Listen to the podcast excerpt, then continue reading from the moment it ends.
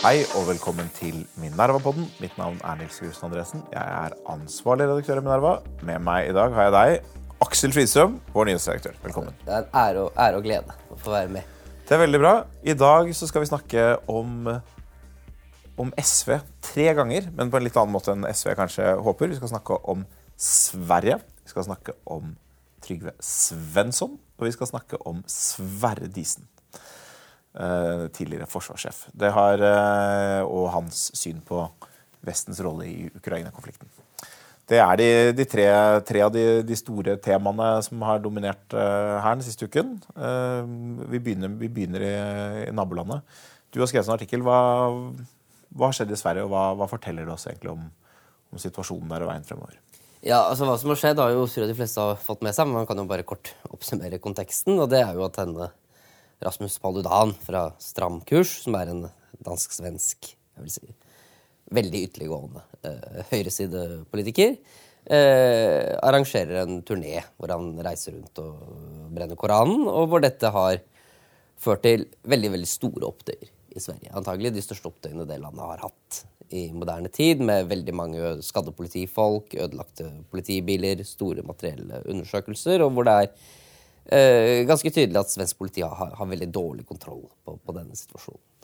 Uh, og så er det jo da uh, Det vi jo diskuterer i Norge, er jo gjerne hvordan er det vi skal analysere dette problemet. Og det er, det er jo ulike forklaringer. ikke sant? Altså, eh, en mulighet, selvfølgelig, som eh, bl.a. er anført og mye, mye, diskutert i, norsk offentlighet, er jo at det, eh, vestlige, sekulære samfunn de forstår ikke så hvor hvor, hvor, sårende det er. da, for eksempel, at, at Koranen ble, NRKs Gro Holm har vel uh... Sissel Wold, tror jeg det var. Unnskyld, unnskyld, unnskyld, unnskyld Gro Holm. Sissel Wold Eh, Ja. Og eh, altså, jeg er ikke nødvendigvis helt liksom, uenig i den analysen. At eh, det for meg som sekulær kan være vanskelig å forstå hvor, hvor sårende det er at Koranen blir brent. Da. Men jeg tror at det er en uh, det er ikke en helt uttømmende forklaring på de tingene du ser, som, som du ser i Sverige. fordi at Eh, for meg så virker Sverre liksom litt som en, en slags permanent kruttønne.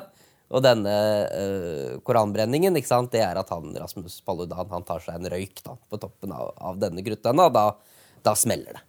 Uh, det er jo litt som både disse opptøyene som tidligere har vært i bandiøene i Frankrike, hvor det er en eller annen hendelse utløser eh, store opptøyer mange, mange, steder. Fordi det er en permanent motsetning. Ja, og i Sverige også så kan det jo et normalår bli brent 2000, 2000 biler. Mm. Eh, så dette er en mer permanent eh, situasjon, men hvor selvfølgelig den type provokasjon som Paludan kommer med, selvfølgelig eh, intensiverer konfliktnivået. Altså det, bare, bare, det fremviser egentlig hvor stort konfliktpotensialet i dette er. Det er det du, du som egentlig ser. og det som jeg har skrevet, er at eh, disse konfliktene altså Man kan selvfølgelig argumentere for at eh, man ikke bør brenne Koranen. Jeg syns ikke det er en, en, god ting å gjøre. Men eh, selv om folk skulle sluttet med det, så blir ikke dette problemet eh, borte. Det er utløst av veldig permanente faktorer, eh, og som også handler om ikke bare hvorvidt noen blir såret av en sånn, sånn handling, men også hvordan man agerer og også hvilke kapasiteter man har til å agere på det. Uh, og det man ser i Sverige, er jo at uh, om at veldig mange av de som er involvert i disse opptøyene, det er gjengkriminelle miljøer. Uh, og jeg tror at de er særlig fremtredende i å gjøre disse undersøkelsene. Ikke nødvendigvis fordi at de er liksom, de mest religiøse eller mest krenkbare miljøet i Sverige. Jeg har aldri sett en overbevisende analyse om at gjengkriminelle liksom er så mye mer Er det liksom det mest religiøse miljøet i Sverige? Eh, men det som fremviser, er at det er selvfølgelig det miljøet med størst voldspotensial, og det er det voldspotensialet man nå ser demonstrert. Eh, og selv om eh, noen skulle sluttet å brenne Koranen, selvfølgelig, så vil det voldspotensialet fremdeles være der, og det vil fortsette å utfordre den svenske ordensmakten. Og det har fått lov til å bygge seg opp gjennom veldig, veldig, veldig mange år i det svenske samfunnet, nettopp fordi at man er unnfallen da, i, i møte med disse miljøene. Altså det, som er interessant med, med, Sverige i den norske debatten, er at Sverige på en måte brukes jo for uh, innenrikspolitiske formål, kan du si. Ja. Det, det, er, det, skal fortelle oss et eller annet om er innvandringen for høy, det, burde vi forby koranbrenning, er det islam som har skylden? Er det fattigdom at vi, at vi ikke har klart å ha nok velferdsordninger og, og fritidsklubber til disse forstedene osv.? Det, er, det er sånn man ser det. og man, og du, man trenger ikke å gjøre noen analyse. holdt jeg på å si. De aller fleste deltakere i debatten har svaret klart, klart ja, lenge ja, før problemstillingen oppstår. Og Det kan man selvfølgelig mistenke oss for også, men jeg tenker vi kan prøve å si liksom, noen ting om det som jeg syns er som jeg synes er litt interessant. og det, La oss begynne med denne ytringsfrihetsbiten på det. For det er jo på en måte, det er alltid en sånn konflikt som kommer med, med en gang man får en sånn sak. Så er det sånn Ja, men jeg skal, uh, alle må kunne si hva de vil. Skal, dette viser igjen at muslimer er uforenlige med ytringsfriheten. Det er liksom en sånn take som, som noen har. Jeg syns det er et sånn interessant aspekt ved det å skjønne hva ved Paludan som kanskje er, er spesielt trøblete, eh, og hvordan man skal forstå denne koranbrenningen. Fordi Paludan er jo ikke først og fremst en ytringsfrihetsridder. Eh, han er en person som har tatt til orde for å deportere muslimer vekk fra Skandinavia. Og kanskje fra, fra, fra, fra verden, verden men, men, i fall, men, men, i hvert fall fra Skandinavia. Det er konkrete ting som han har har snakket om. Og, og, det er jo en, altså etnisk rensning, folkemord osv. Det, det ligger i, i, denne retorikken. Det er jo, Du kalte ham en ekstremist, og det er jo en understatement egentlig for den type uttalelser. Så, så da handler det litt om hvordan forstår man en koranbending i den konteksten. ikke sant? Altså det, en, en ting er, det er forskjell på om en, uh, si, en frafallen muslim som har vært utsatt for Eh, patriarkalske strukturer eh, eller, eller, vold eh, blant salafister eller ekstremister. Eller standup-komiker. Eller standup-komiker. Man, man, brenner Koranen som en religiøs protest mot, mot en undertrykkende teologi. Det er jo én liksom type uh, sak. Og en annen er jo hvis du ledsager det med, med trusler om etnisk rensning og, og, og folkemord, så, så, er det en litt annen type gest. Og det som jeg tror en del muslimer reagerer på, er Eh, og vi har et intervju med, med Osman Rana om det, som Andreas Masse gjorde for oss denne uken. At man, det er nok lett å oppleve en slags dobbeltmoral i, i vestlige liksom, diskusjoner om ytringsfrihet. Når, når, er det vi tar den diskusjonen, og hvilken kontekst setter vi den i når vi tar den? Eh, så det er liksom en sånn, det, det, det, tror jeg det er nyttig å være oppmerksom på i denne saken. at dette er ikke, Denne saken handler på en måte ikke først og fremst eh, om eh, ytringsfrihet. For i mange andre sammenhenger så gjør vi jo ting vi, vi, vi, Vårt samfunn gjør en rekke ting for å påvirke, begrense, ramme inn, inn ytringer som vi syns er trøblete.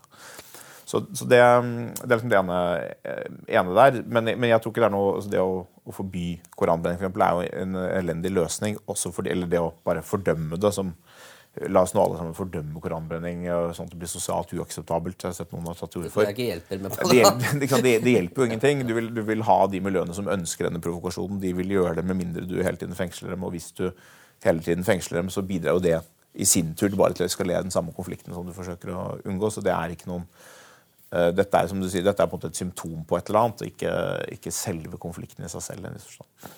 Så, så det er den ene biten. Den andre biten er jo den at vi har en tendens til å krangle veldig mye om er det fordi eh, samfunnet er rasistisk, og, og, eller det er for lite velferdsordninger, det er for lite inkludering. Og det er det jo selvfølgelig en viss forstand. ikke sant? Disse områdene er eh, økonomisk utenforskap en masse. Men det illustrerer på en måte noe av problemet. Er, Sverige er jo Det er sikkert gjort, vært gjort feil i Sverige, liksom, men folkehemmet uh, i Sverige har jo vært på en måte den mest utbygde velferdsstaten nesten i verden i hele den perioden hvor man har mottatt innvandrere. Det har jo vært det landet som eh, også eh, mange, mange, liberale i Norge har vist til som et, et rausere land enn Norge. Et mindre et land der eh, høyrepopulistiske partier har fått mindre innflytelse på politikken. Eh, så det har jo vært et land der Hvis man ikke får det til der, altså hvor får man det da til? Så det viser jo på en måte frem at stor migrasjon har veldig, det er ikke så veldig lang vei til en del av disse store utfordringene. Og det, går, det, er sikkert, det, er mulig å gjøre ting for å unngå dem. Og Norge har jo unngått dem i noe større grad. Vi har flere oljepenger å, å bruke på det. Vi har hatt noe færre innvandrere. Vi har hatt innvandrere fra litt andre områder. Vi har hatt en annen bosettingspolitikk. Så det er, liksom, det er, det er ting som, som, er forskjellige. Men det viser på noen av disse betydelige utfordringene. Da. Og det, det begynner å nå bli en større grad av enighet om. Eh, den kommer, kommer sent, men dette er debatter som liksom, Jeg husker Huseby-opptøyene for snart ti år siden, så gikk på en måte akkurat den samme debatten.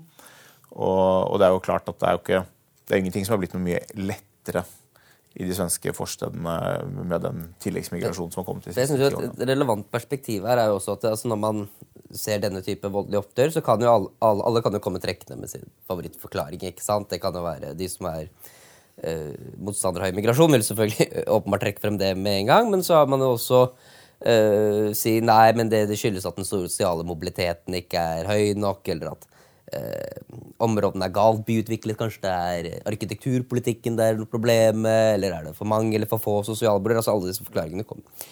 Eh, men det som ofte mangler gjerne i den analysen for de som, de som an, anfører de, den type argumenter, da, er at man sliter med å forstå eller forklare hvordan denne politikken plutselig bare kan bli veldig mye bedre. Altså Hvordan kan du bare dramatisk øke den sosiale mobiliteten? Og det er nok mye, mye vanskeligere enn folk eh, ser for seg. Altså Det er veldig lett å si. Og det er ikke nødvendigvis usant. Altså Hvis den sosiale mobiliteten hadde vært veldig mye bedre, så hadde du kanskje heller ikke hatt alle disse hjemkriminelle miljøene.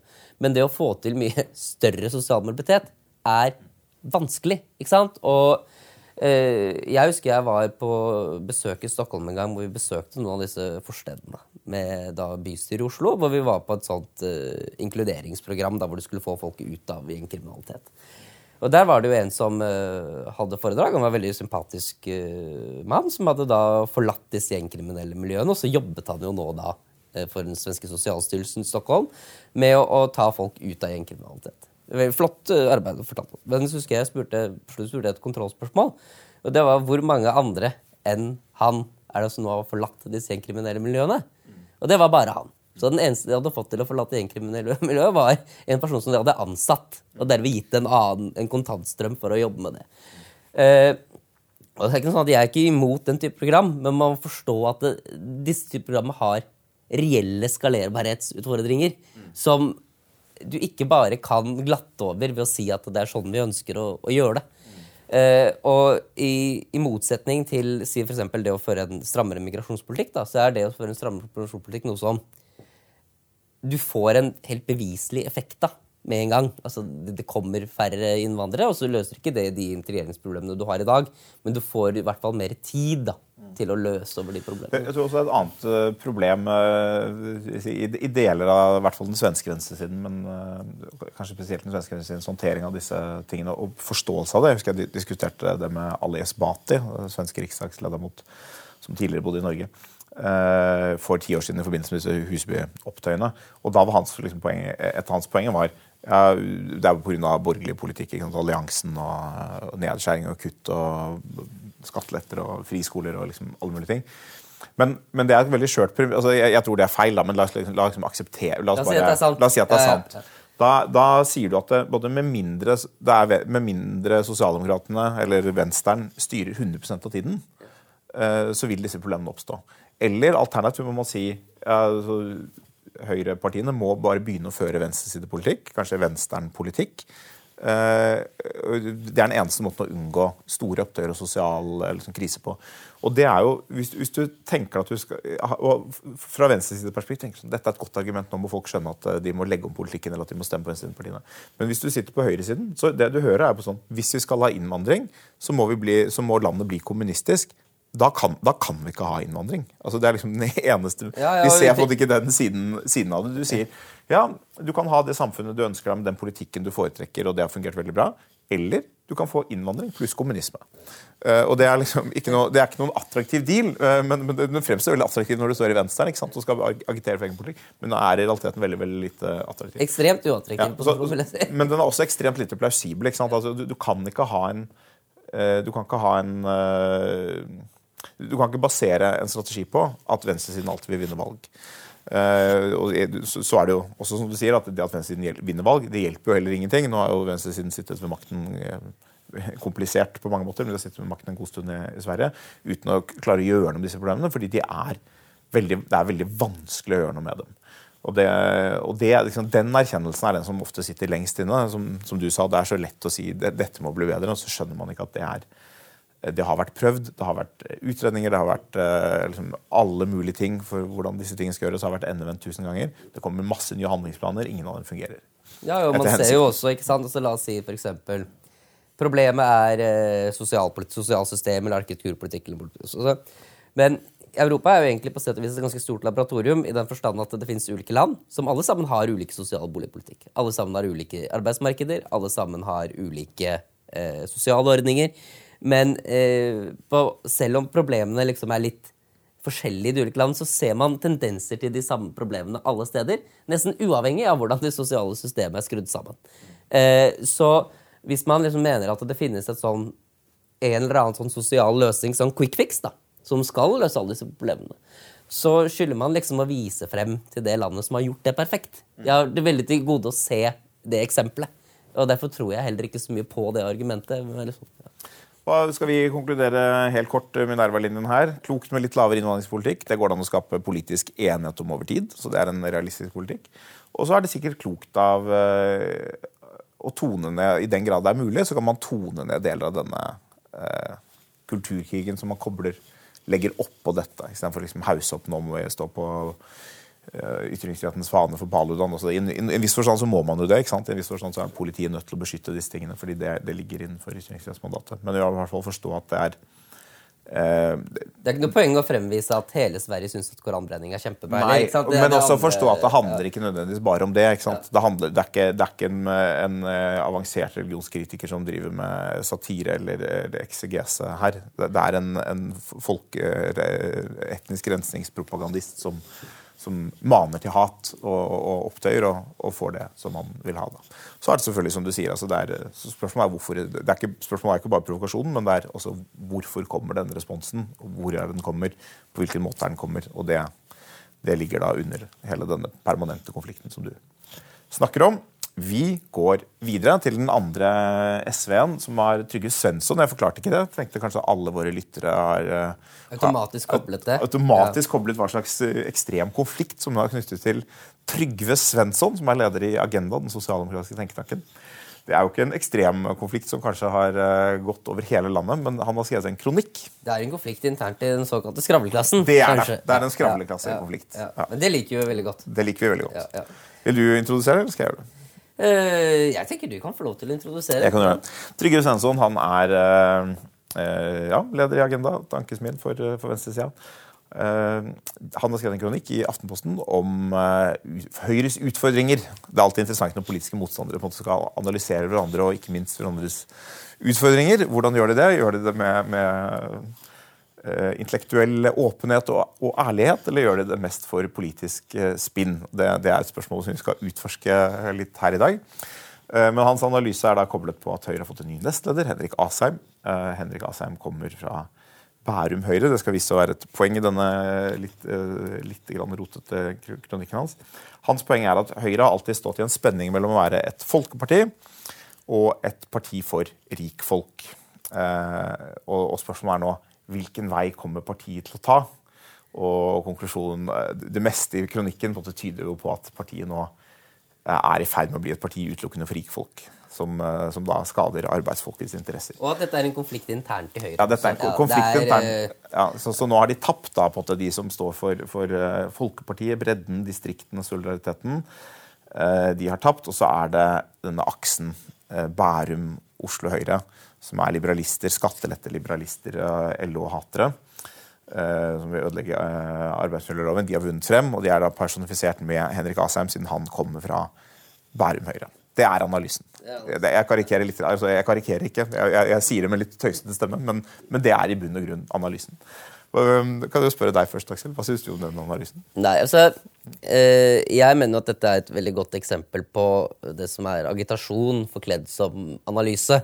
Eh, det i seg selv er jo ikke så det er, det er ikke så uvanlig. altså Det er veldig mange som produserer agitasjon forkledd som analyse. at eh, agit Agitasjon i sin destillerte form kommer ingen vei, så du må pakke deg inn i, i, i litt analyse. Det som er, er interessant med, med, med Svenssons kronikk, syns jeg kanskje at det, an, an, analysen er så dårlig. At det, at det- bare er agitasjon, blir så, blir så veldig synlig. da. Det syns jeg liksom er, er det interessante. Og, eh, for det, det, det skorter på så veldig mange punkter. altså for å bare ta det veldig enkelt, da, så er det, det er så åpenbart at det er eh, Arbeiderpartiets vilje til å kritisere Høyre som er hele premisset for analysen. ikke sant? Altså, det er ingen som er medlem i Høyre som i utgangspunktet har akseptert ideen om at Høyre bare er til for rikfolk. Ikke sant? Altså, det, det, derfor ville de ikke da ville, ville de ikke vært med i det i utgangspunktet. ikke sant? Så for dem så er ikke den konfliktaksen egentlig relevant. Ikke sant? Nei, og, eh, og så er Det både at det, det finnes jo konflikt innad i Høyre om eh, tusen forskjellige ting. Eh, inkludert om eh, skattepolitikk og, og forholdet mellom distrikt og, og by og, og sånne ting. Men det som er interessant her, er at han både bommer på alle mulige måter å beskrive den konflikten på. Altså det, det, det jeg tenker sånn, vi, vi skriver analyser av andre partier, av alle partier her, her i Minerva. Vi har skrevet om Høyre mange ganger, vi har skrevet om Venstres krise, FrPs krise, vi har skrevet om eh, splin i Arbeiderpartiet etter Giske-saken.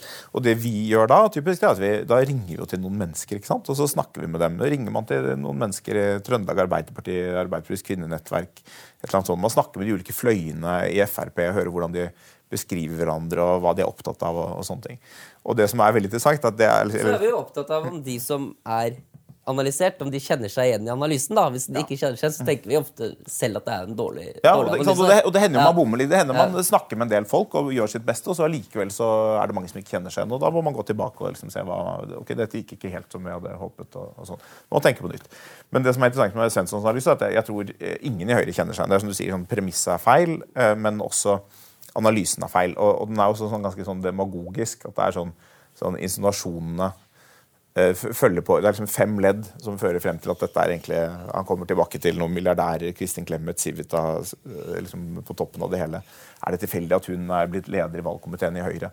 Eh, Oslo Høyre, skriver han på et punkt. Det er vel sikkert ikke tilfeldig, men, men det, er uklart hva det skal med en prominent person i Høyre. Det er neppe tilfeldig, men, men det er liksom det er mange rare ting der. Det er for å sette ut en container med penger på Rådhusplassen som bare de som har en årslønn på over en million, kan forsyne seg av. Og man får liksom inntrykk, dette er jo sånn, Mange i Høyre har eh, helt siden jeg jobbet for Høyre i 2008 og 2009 og det kan jo si Vi har jo begge to jobbet for, for Høyre, og sånn sett ikke uhildet, men vi, vi jo et forsøk kanskje på å skape noe større analytisk distanse til materialet enn det Trygve Svensson gjør allikevel. da.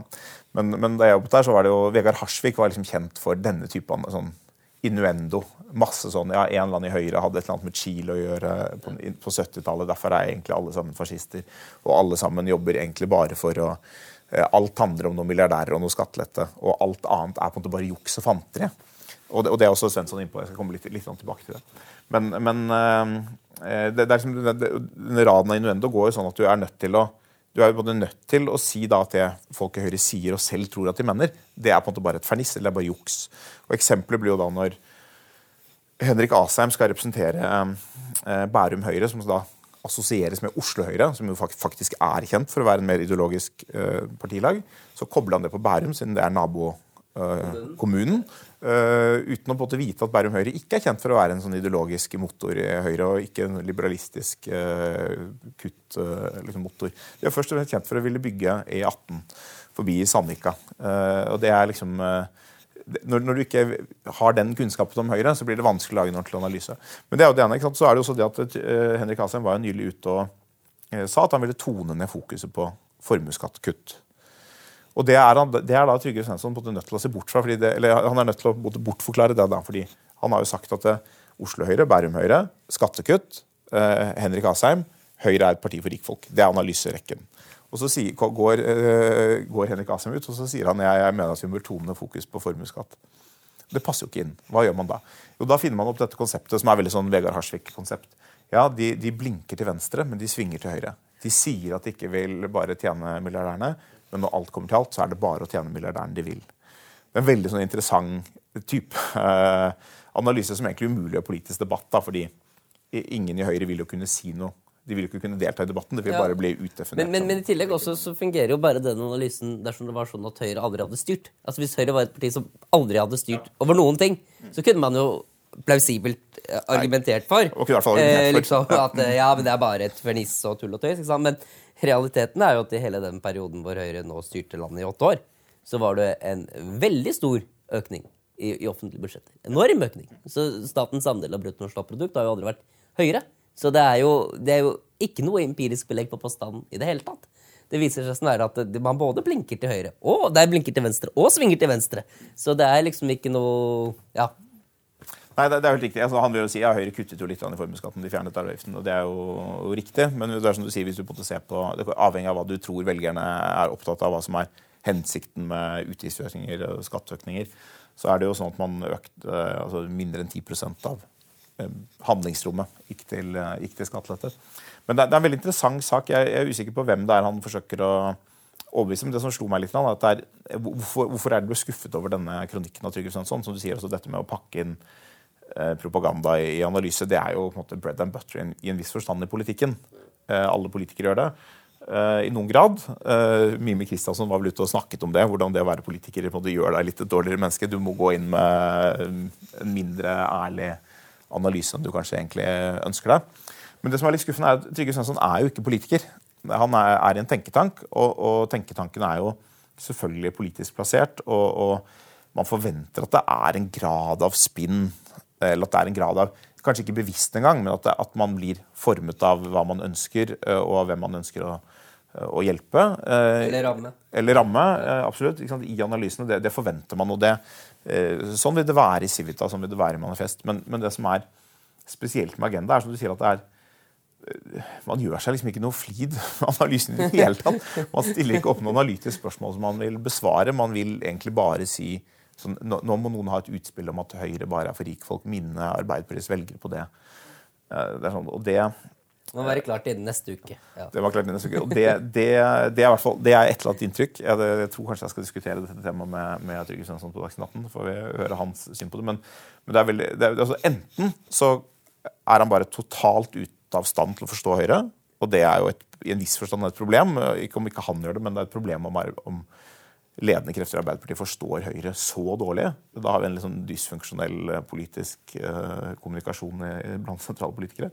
Jeg tror ikke det, men det er, en mulighet. Den andre muligheten er at dette er ikke noe forsøk på å forstå Høyre det, i det hele tatt. Det er et forsøk på, på å ramme Høyre, selv om jeg ikke jeg tror ikke det appellerer til veldig mange velgere. Men, men, det er det det er. Det må være et forsøk på det.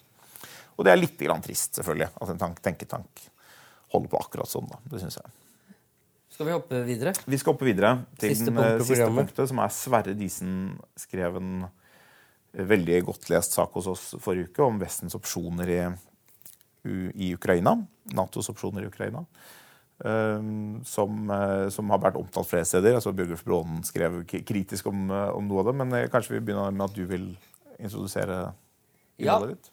Ja, altså det Disen prater om, er jo hvilke handlingsalternativer Vesten har, og hva han mener er det beste handlingsalternativet. hvor han argumenterer for at det beste handlingsalternativet jo egentlig er at ukrainerne setter ukrainerne i stand til å vinne krigen. Altså eh, Som eh, for det, altså Man kan jo argumentere for at det er eh, litt, litt ulike syn. ikke sant? Altså Det er jo noen som vil gjerne, Alle vil jo gjerne ha slutt på krigen, men det er jo ulike syn på hva er det som skal til for å ta slutt. Og eh, de som argumenterer jo for at det, den beste avslutningen på krigen er selvfølgelig at ukrainerne vinner fullt ut. Eh, og eh, hans argumenter for det selvfølgelig er at Eh, ved å gjøre det så skaper man også sterkest mulig presedens mot Russland på at dette er den type ting bør man bare aldri forsøke seg på igjen. Og at alle andre utfall, altså ting som minner om at Russland vinner, eller at du får en slags 1-1-situasjon, da, hvor russerne redder ansikt, eh, er bare en invitasjon til å Øke sjansene for, for nye kriger i eh, fremtiden.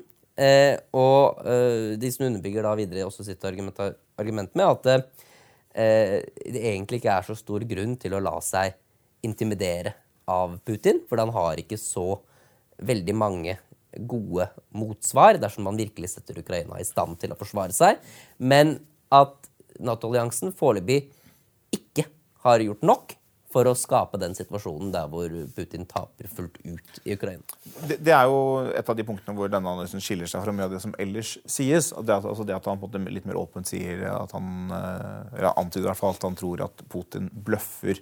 Eh, og det gjelder jo på en måte både da atomspøkelset som, som ligger bak, eh, at det er eh, irrasjonelt og, og, lite operasjonelt uh, fra et russisk perspektiv. Og det skulle man liksom ta et minste skritt i den retningen, så inviterer man Russlands ødeleggelse. og det, det, det de som mener at det er en bløff. Men også da konvensjonelle svar. Men sier at ja, da, blir det, da, da havner vi i direkte krig med, med Russland.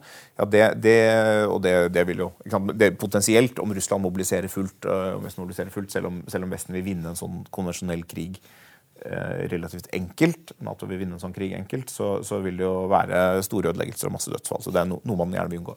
Men det Disen sier at det er altså at Russland skal ønske en sånn eskalering, er eh, også måte, helt eh, usannsynlig, fordi det er eh, fordi det bare inviterer Russlands ødeleggelse. Ja, Han tar det også litt lenger, for han sier også at eh, la oss si at Putin ikke bløffer. Så la oss si at han eh, faktisk er villig til å eskalere til atomkrig. Så sier jo Odison, og jeg syns er ganske godt argumentert, at eh, ja vel, men hva skal vi gjøre med det? For hvis det virkelig er sånn at eh, Putin vil det, ok, da vil vi til syvende og sist bare måtte gi etter for større og større, større, større trusler hver gang det kortet spilles. Så det å gi etter for det, selv om du tror at trusselen er reell, er heller ikke et veldig godt eh. Nei, og det, det vil øh, øh, jeg, Det er riktig at han sier det. Tenker, min lesning av artikkelen er at han vel antar at dette er en bløff, men han sier at dersom det ikke er en bløff, så, så er vi jo på den situasjonen hvor dette nå er blitt en altså, Hvor atomutpressing eh, er blitt alminneliggjort og kan brukes egentlig til nesten hva som helst.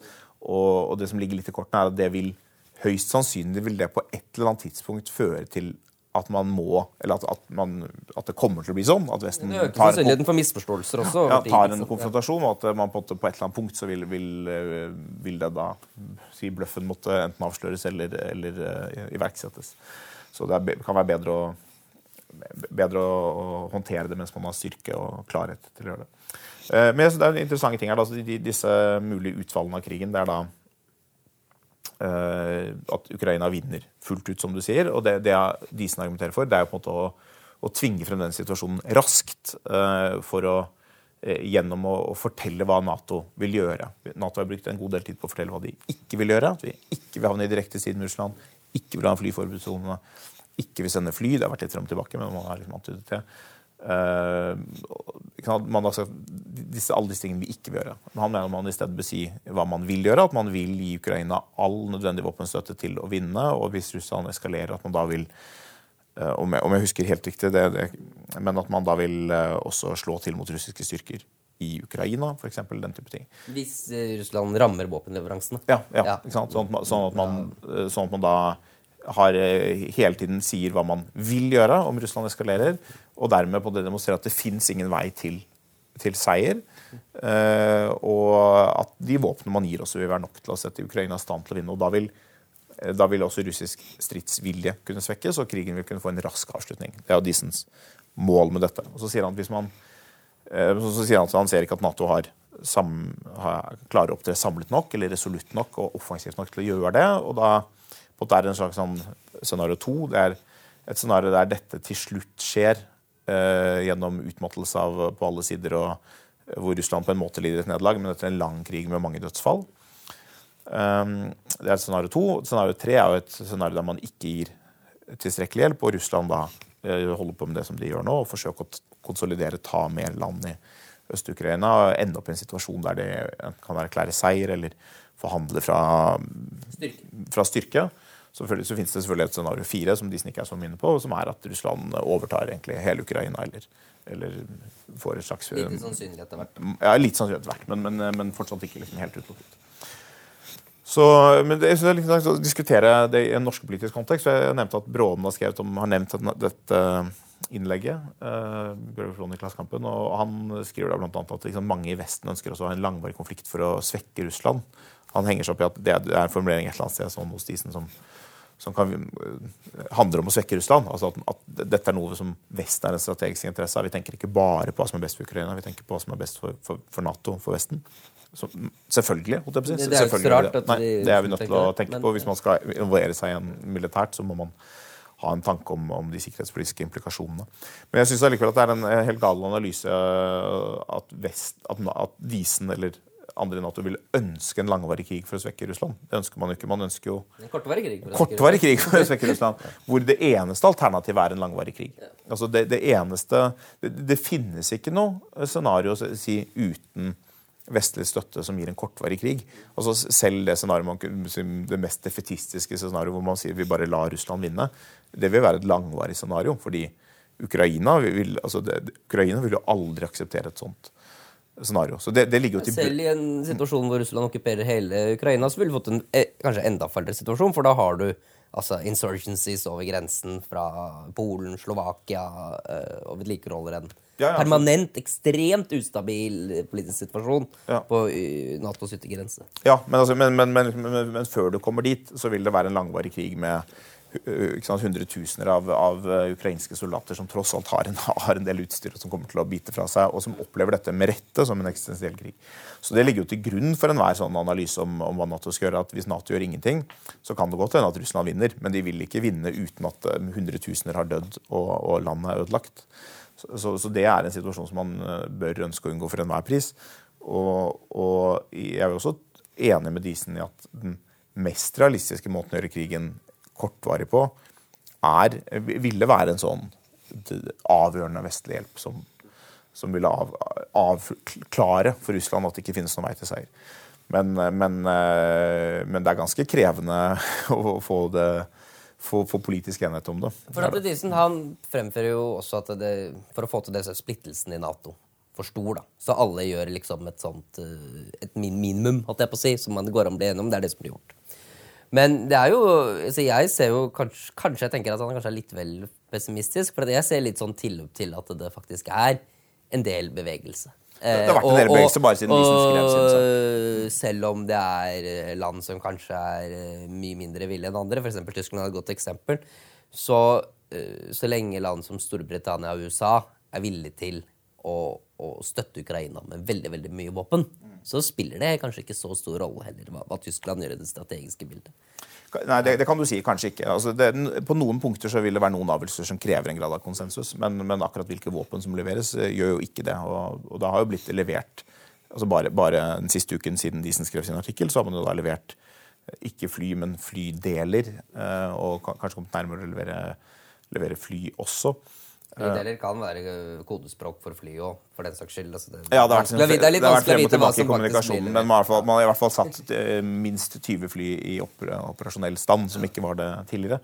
Så, så det kan godt hende man kan, kan gi ganske mye. Men det viser også et interessant punkt her. Altså hvis, hvis man ser hva, hva vi gjør nå eh, versus hva vi gjorde, vi i betydning i Nato, for, for uh, syv uker siden, så gjør man jo nå mye mer. Nå, nå, det har vært sendt stridsvogner, det er nå sendt en eller annen form for, for fly eller flydeler. Eh, Begge ting som tidligere har vært avvist som aktuelt. Og, og eh, mengdene som kommer, er også enormt mye større. Og man kan jo både spørre seg, had, Hvis man helt fra starten hadde gjort klart at alt dette ville bli gjort, så, og, og, og helt fra starten hadde gjort det, så ville man for det første kanskje stått bedre eh, militært, og for det andre kanskje hatt en sterkere avskrekkende effekt på Russland. Nå er den avskrekkende effekten veldig liten. Russland er så langt inne i dette at det er, det er vanskelig å avskrekke dem. Men det, det kan hende at det ikke var både mulig å få til. Liksom, at Den politiske viljen, den politiske konsensusen må til internt i hvert land for å, for å komme dit, eh, den har vært avhengig av at man ser at krigshandlingene spiller seg ut, at man ser massakrene bort seg, at man ser bombingen av Mariupol.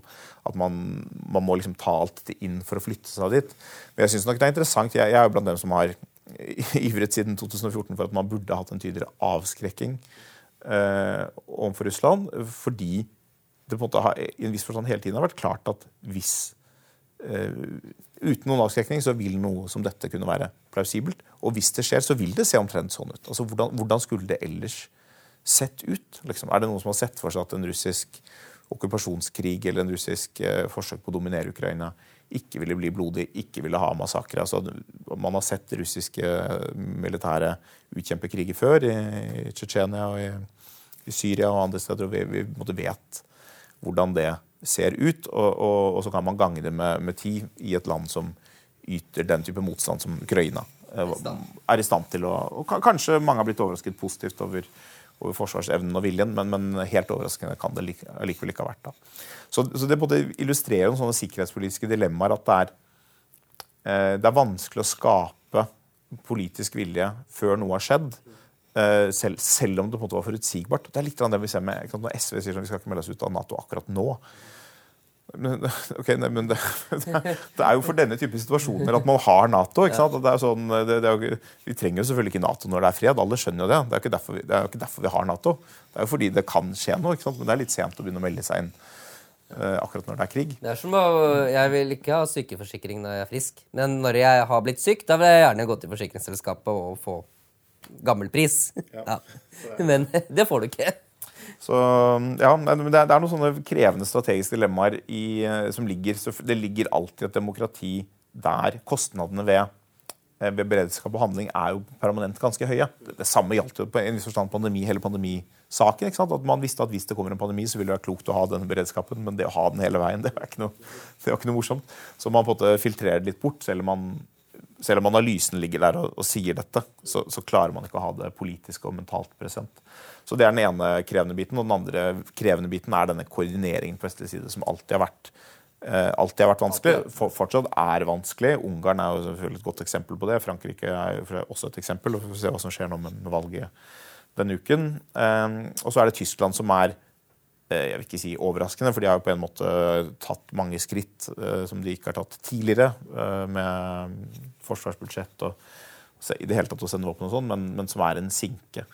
Så kan man si at hvis, man nå, hvis nå Tyskland også snur, så er sjansen for å få med seg en, få, få, en enda større ja, enhet egentlig ikke så aller verst. da. Og, og en, den vestlige enheten har vært mye bedre enn jeg tror mange, og ikke minst mange russere, kanskje trodde før krigen. Men tid, men tid koster også liv. Altså, for, hver, mange, mange liv. for hver dag som går, så kan jo russerne bygge festningsverk på områder de allerede er inne på, som gjør det mye mye vanskeligere og mye mer kostbart å, å, å kaste dem ut. Så, så, selvfølgelig det beste, Etter mitt syn da, så ville det beste vært å gjøre nesten akkurat det, det Dissen sier. Det, da har vi hørt uh, Aksel Fridstrøms uh, råd. Det er siste ord for i dag, Aksel. Takk. Takk for oss.